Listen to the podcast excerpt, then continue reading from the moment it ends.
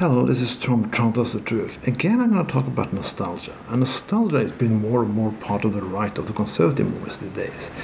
Yeah, before you call conservatives also used to use nostalgia, like they want yeah, the traditional family values and traditional religion and so on and so on and so on.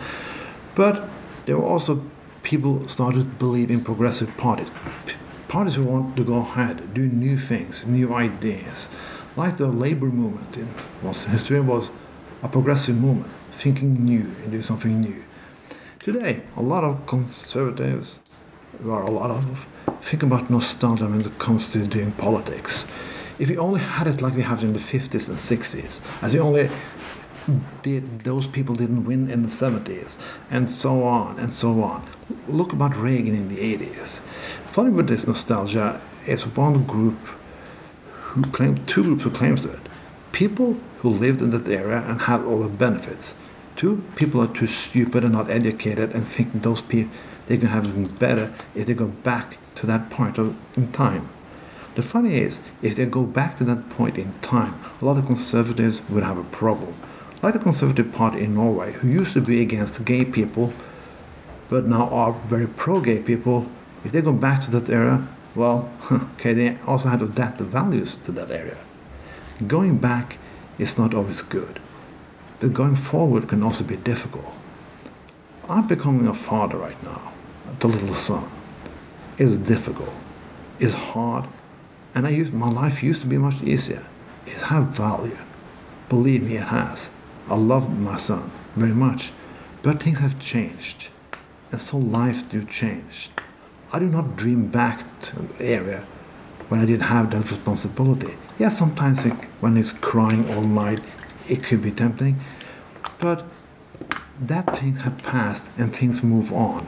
I look forward to look forward because thinking too much of the past can be two things: depressing and a sense of loss, loss of time that I didn't have to think about a lot of things, and I don't have to address a lot of issues but my life was easier in some sense, but when I think about it, it was bad in other sense. That's humankind. We used to remember the good things and ignore the bad things. Believe me, growing up in the 1890s was good, but it had its problems. It had, you, when you see old Hollywood movies today, you can see that, yeah, you cannot address and do things like that anymore.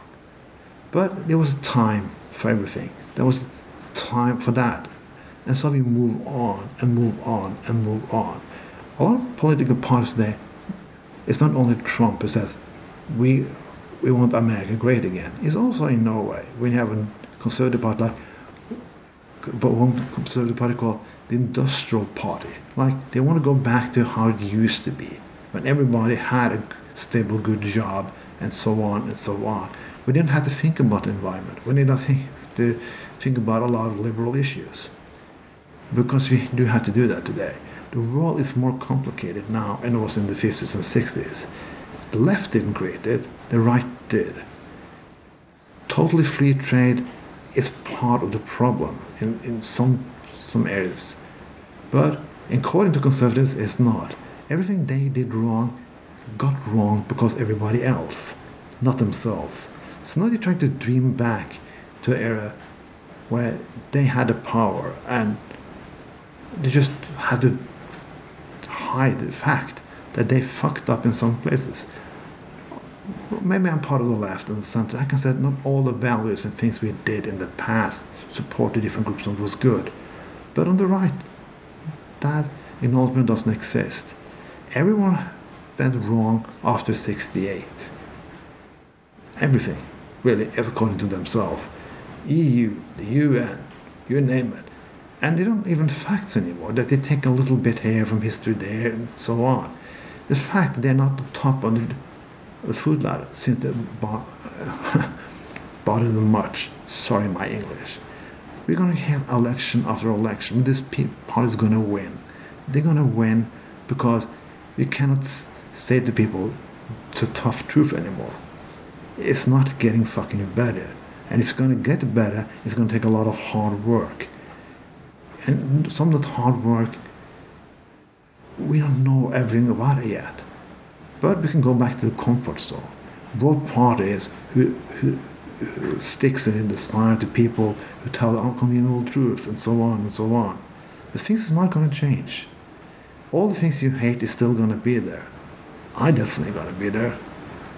And the politics is a suffer, you suffer from do, do not come from the media or the unions because you're destroying them. You come from yourself. I also want to back to a time where everything was simpler, but it's not going to be happen. It's never going to happen. Life goes on, and sometimes you have to work to progress, and progressive progresses cost a lot.